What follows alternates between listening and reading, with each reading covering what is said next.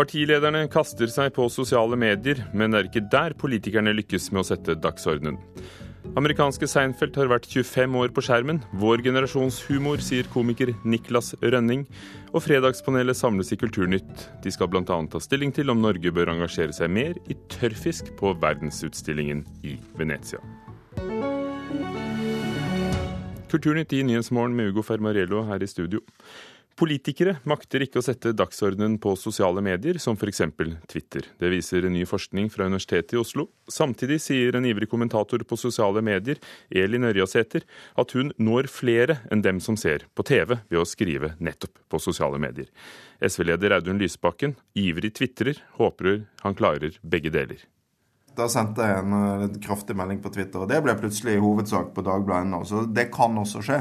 Men det skjer ikke ofte.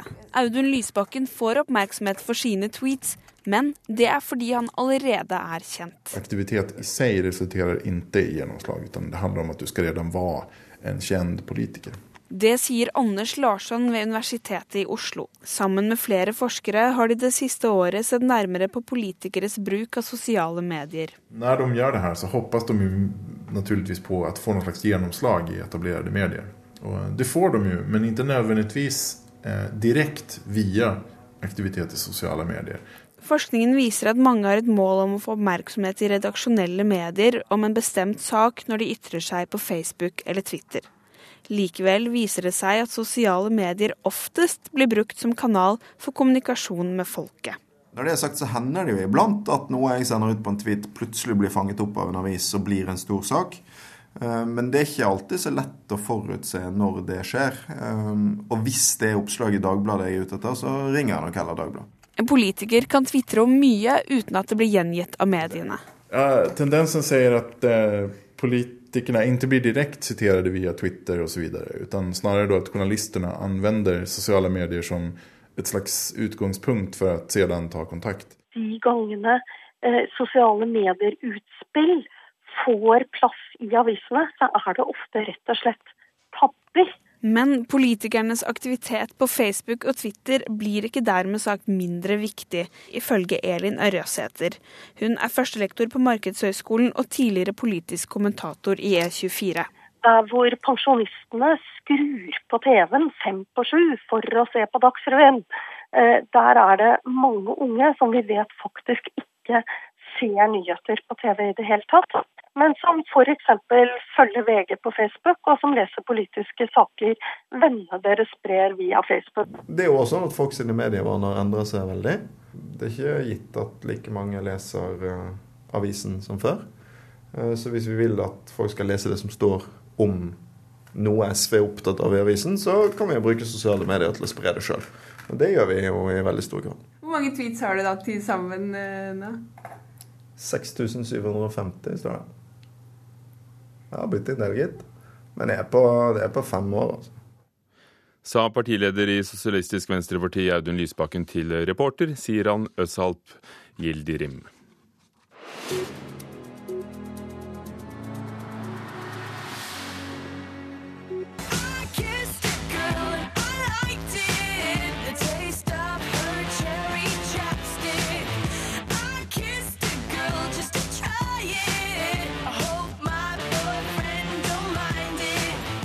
Den amerikanske popartisten Katy Perry kaster seg inn i den norske debatten om likestilling i musikklivet. Perry sier til Dagbladet i dag at hun aldri har møtt noen problemer som skyldes at hun er kvinne. Den beste låten vinner, for kjønn har ingenting å si, sier Katy Perry, som har tilbudt seg å skrive Hillary Clintons neste valgkampsang. Avisen Nordlys har satt eh, klikkrekord etter at eh, de opprettet nettsiden Bussit, skriver Dagens Næringsliv. Bussit har hentet inspirasjon fra det amerikanske nettstedet BuzzFeed. Artikler, bilder og videosnutter som folk liker å dele på internett, preger nettstedene. De fire siste ukene har Nordlys eh, nettbrukere vokst med 109% mens f.eks. VG har hatt en økning på 2% og NRK 7 i morgen er det 25 år siden eh, Seinfeld kom på TV-skjermen for første gang.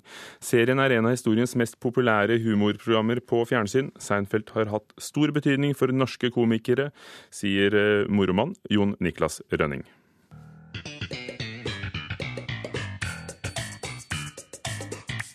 Jeg ser jo med en gang for meg Jerry Seinfeld i The Puffy Shirt.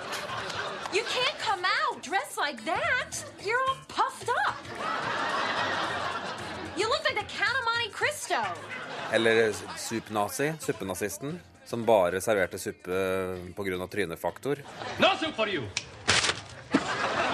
Så er det selvfølgelig disse standup-monologene imellom, da. Det var jo for en um, ung 13-åring som satt og så på Seinfeld da det kom, så var det stort å se en person som, som klarte å gjøre humor ut av bitte små observasjoner.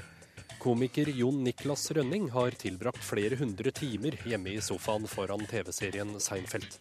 Nå sitter han i en annen sofa, backstage på humorscenen Latter i Oslo, der han spiller forestillingen Småtingsvalg.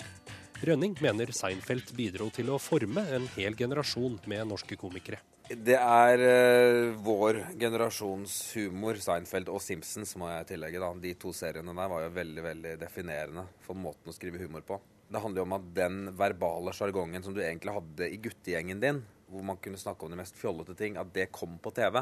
Det, det betydde jo veldig mye. ikke sant? Og det, akkurat det er nok noe vi har tatt med oss videre. He's a regifter. Well, didn't he regift the label maker? Possibly. Well, if he can regift, why can't you degift? I morgen er det 25 år siden Seinfeld gikk på lufta for første gang på den amerikanske kanalen NBC i 1989. Norske seere ble først kjent med Jerry Seinfeld og vennene George Kramer og Elaine noen år senere. Really John Ranala er stolt over å være mannen som brakte Seinfeld til Norge. Han var innkjøpssjef i TV 2 da serien hadde premiere på kanalen høsten 1993. Ranala var aldri i tvil om at serien ville slå an i Norge. Norwegians like intelligent programs. And the thing about Seinfeld is that it's so intelligent. How do you make a success about a program about nothing? and uh, and he did. And it seemed to me that this was a no-brainer. This was going to work. Og Ranala fikk rett. Seinfeld ble sett av rundt 300 000 nordmenn hver uke, og var serien man gjerne snakket om rundt lunsjbordene, ikke bare i Norge. Además, el alquiler es de solo 400 dólares al mes. Hallo, Newman. Hallo, Jerry. Können wir es hier stehen lassen? Ich muss arbeiten.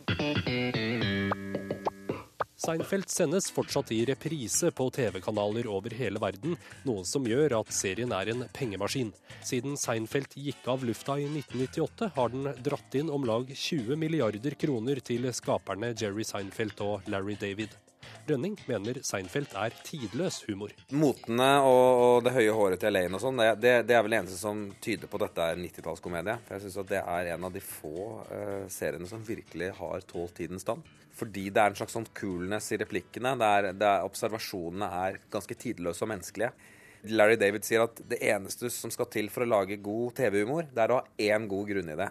Og det er det Seinfeld er. Det er en rekke av veldig, veldig gode observasjoner og veldig gode ideer. Jon Niklas Rønning, som også har skrevet en kronikk om Seinfeld på nrk.no Ytring.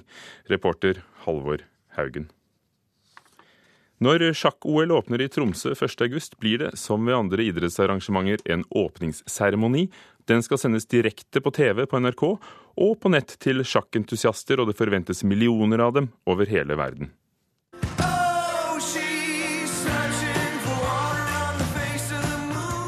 Violet Road er et av de bandene som skal stå på scenen under sjakk-OL sin åpningsseremoni, som Hasse Lindmo og produksjonsselskapet Gyro har ansvar for. Blant annet skal vi spille sammen med Nordnorsk Symfoniorkester. og Vi har også bygd en spesiell scenografi og noen videoelementer og sånt for anledningen. Så de, eh, de, er vi stolte av å ha med oss. På samme måte er vi like stolte av Hekla Stålstrenga, som skal være med. Det kom en tone med vind i idrettshallen Skarphallen med plass til 3000 publikummere har det tidligere vært arrangert bl.a. Elton John-konsert. Her skal Lindmo, som fra før har laga både Eurovision og Nobelkonserter, presentere bl.a. joikeren Sara Marielle Gaup, kjent fra gruppa Adjagas. Og ikke minst eh, landsdelens største musikalstjerne, om ikke landets største musikalstjerne, Lisa Stokke, i en snikpremiere på det som eh, er oppsetningen av Jeffin Concert, som begynner et par dager senere. inn Mo på ei litt dårlig ferielinje fra USA. Du trenger På en kafé i Tromsø holder noen av brødrene Rundberg i Violet Road på å rigge til en konsert de skal gjøre sammen med mora si. De mener det er en ære å få være med på det de tror blir et spektakulært show. Nei, det er klart det blir jo en enorm opplevelse. Det å spille med et, eh, et orkester sammen med det her orkesteret, det, så vi gleder oss. Vi skal også da altså, sym høre symfoniorkesteret spille våre låter, og det, det blir jo bestandig ganske spesielt. Si Halvard og Hogne Rundberg. Det er jo en historisk hendelse. Sjakk er jo en av de største idrettsgrenene da, eller eh, i, i verden. Hvis vi kan eh, få lov å spille litt for dem, så er jo det utrolig, utrolig artig. Sjakk-OL arrangeres 1.-14. august. Det forventes 2500 tilreisende deltakere med følge, deriblant Magnus Carlsen. Åpningsseremonien er jo en veldig viktig del av et sånt arrangement som et sjakk-OL, eller hva som helst av store internasjonale eh, sportsarrangement. Og når vi skulle lage en sånn åpningsseremoni i Tromsø, som ikke er gjort i dette formatet, ikke det som jeg er kjent til i alle fall, så ønsket vi jo på den ene sida å vise at Tromsø er en internasjonal eh, by, og ikke minst med tanke på at det kommer 180 nasjoner, og, og på å gjøre litt ære på eh, akkurat det. Samtidig som vi Eh, Sjakk-OL blir faktisk avvikla i Tromsø, eh, og det i seg selv er ganske spektakulært. Sammen med at dette er et nasjonalt arrangement. Sier Kjersti Vikør, produsent for Tromsø 2014. OL-arrangøren har tidligere slitt økonomisk, men Vikør vil ikke si noe om hva åpningsseremonien koster. Og det er helt klart at når du er, med en gang du er inne i en stor hall med 3000 sittende, med full produksjon med scene, lyd og lys, eh, så er det, det er kostbart sa Kjersti Vikør, produsent for Tromsø 2014 eh, sjakk-OL, og programleder blir Tromsøs ordfører Jens Johan Hjort, reporter Hege Irén Hansen. Klokken er straks kvart over åtte. Du hører på Nyhetsmorgen i NRK. Overskriften i dag. Lommebøkene er tryggere enn på lenge i hovedstaden. Politiet fotfølger lommetyvene. Hamas frykter eh, Gaza igjen skal eksplodere i vold og kaos.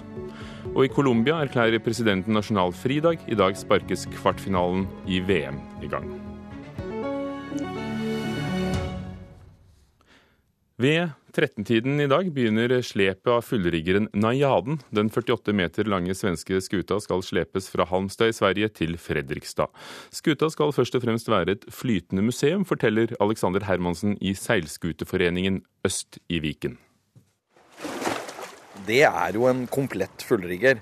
Og en av de mest originale i hele verden. Bl.a. det at den aldri har hatt motor. Og ikke noe annet elektrisk om bord eller noen ting sånn. Det er veldig tilbake til 1800-tallet. Når vi snakker om scooter, så er det jo på en måte Det er jo indrefileten. Det er Rolls-Royce, rett og slett. Najaden blir Norges fullrigger nummer tre etter Christian Radich og Sørlandet. Najaden ble bygget i 1897 og har siden slutten av 1930-tallet vært et skipsmuseum. Og I 1946 så ble den gitt til Halmstad eh, som en gave fra en grosserer som kosta på den båten masse penger og gjorde den i stand. Og den skulle da være et minne om seilskutebyen eh, Halmstad. Seilskuteforeningen Øst i Viken kjøpte skuta av Halmstad kommune i Sverige for en symbolsk sum å regne. 300 000 kroner. På Isegran skal den tremastede damen først og fremst være en attraksjon, et såkalt flytende museum, slik at publikum kan komme om bord og ta en titt. Vi syns det er viktig å ha en sånn skute som, som, eh, et eksempel på den tidsepoken som var så viktig, hvor Fredrikstad hadde skuter på alle de syv hav. Eh, og hvor vi får brukt denne skuta til å formidle eh, ja, Najadens historie spesielt, men eh, seilskuter generelt. Alexander Hermansen i Seilskuterforeningen Øst i Viken, reporter Siv Mariann Strømbekk.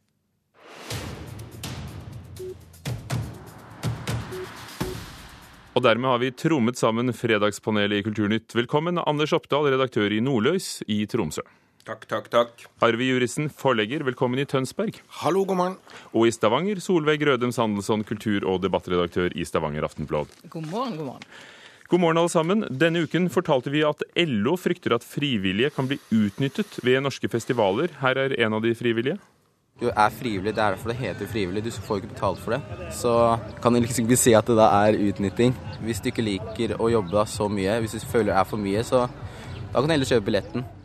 Men er det riktig at festivaler går med overskudd og gir eierne utbytte, mens norsk ungdom jobber opptil tolv timer og mer i døgnet for konsertbilletter og brus? Vi begynner i nord. Anders Oppdal. Ja. Arve Juritzen. Absolutt bra. Solveig Rødem Sandelsson. Ja. Hvorfor er det så et ubetinget gode? Er det ikke også konkurransevridende at her jobber det tusenvis av gratis ungdom for uh, knapper og glansbilder i Stavanger? Nei, altså nå, i, i, Stavanger er vi jo ikke vant med at det akkurat er musikkfestivalene som er på formuetoppen. Så akkurat hvor mye de, de, tjener og tar ut på dette, det er litt diffust for meg. Men altså, frivillige, det er, da er det tjeneste mot tjeneste. Du jobber gratis, og da får du billett. Jobber du ikke, så får du ingen billett. Arve Jurisen. Nei, altså Jeg syns LO her på en måte viser seg veldig snevert. fordi at hvis jeg skal svare litt seriøst på det, så er det noe ungdom trenger, så er det jo praksis. Altså Man må lære, komme seg ut i næringslivet, få jobberfaring. Og hvis man kan gjøre det samtidig som man er på en konsert, jeg mener hva mer skal du be om? Anders Oppdal. Altså, det har vært en flott tradisjon i Norge å ha frivillige. Det har gjort det mulig både i nord og sør og vest og øst å, stable på beina mange og varierte arrangementer. Uten den logikken der så hadde det vært en mye mindre festivalflora. Sånn at det er nødvendig, og jeg tror de, de som er med på det, syns det er rett og slett steikende artig. Er det forskjell på en liten festival laget på dugnad i bygda, eller en stor en eid av et internasjonalt konsern som øh, faktisk gir store utbytter? Altså, Jeg er ikke sikker på at du finner en eneste ungdom som føler seg utnytta her. Har LO fått noen klager, eller er dette noe de finner på selv? De sier de har fått klager. Kanskje, og stadig ja. flere. Stadig flere, ja. Nei, men da tenker jeg at da bør man jo bare la være. Det er jo ikke tvang. Hva med argumentet som ble fremsatt av en kommentator i, Dagsavisen denne uken, at dette undergraver de tradisjonelle konsertarenaene? For her, eh, her, kan jo artistene da faktisk få bedre betingelser, fordi det er så mange som stiller opp gratis. Er dette eh, et argument som bør, bør tas med, eh, eller ikke? Og dere får kaste dere på, siden vi sitter på hver vår tue. Nei, det er vel altså festivaler opp mot de tradisjonelle konsertarenaene. Jeg tror vel at det, det at det finnes det gode festivaler har en alltid trodd at heller bringer flere folk inn til konsertscenene seinere.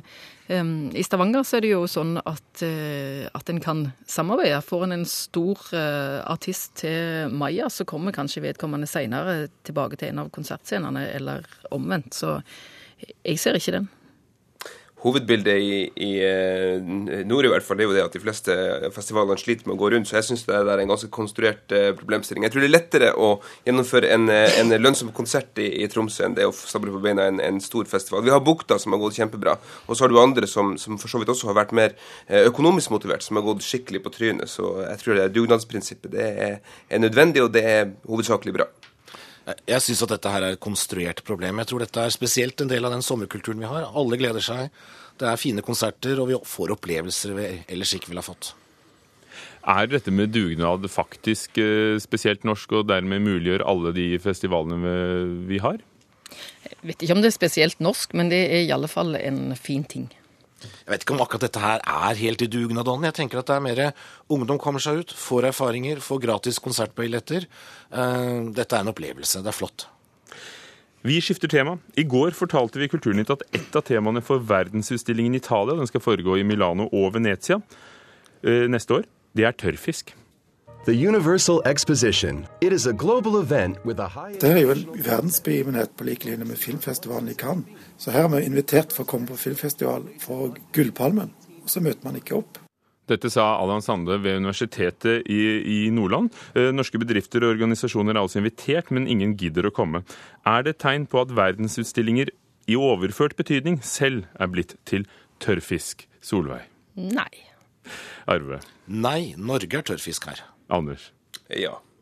Hvordan det, og hvorfor er det sånn at folk ikke kjenner sin besøkelsestid, hvis det er den tiden? Nei, men altså, Jeg skjønner ikke helt denne saken. her. Dette er jo en fantastisk mulighet til å markedsføre Turist-Norge kanskje på sitt beste. Tørrfisk, Lofoten, sterke merkevarer. Men nå driver man liksom og det er fiskerinæringen som diskuterer. Er ikke dette en sak for turistnæringen? Skjønner ikke den her, jeg. Jeg tror vi går til nord. Jeg skjønner ikke heller helt dette. Poenget er jo det at verdensutstillingene er ikke så viktige som de har vært før. Skal du selge tørrfisker i Lofoten, så gjør ikke du det med å smelle opp en paviljong mellom kjøttboller kjøttballer og gulasjsuppe. Altså.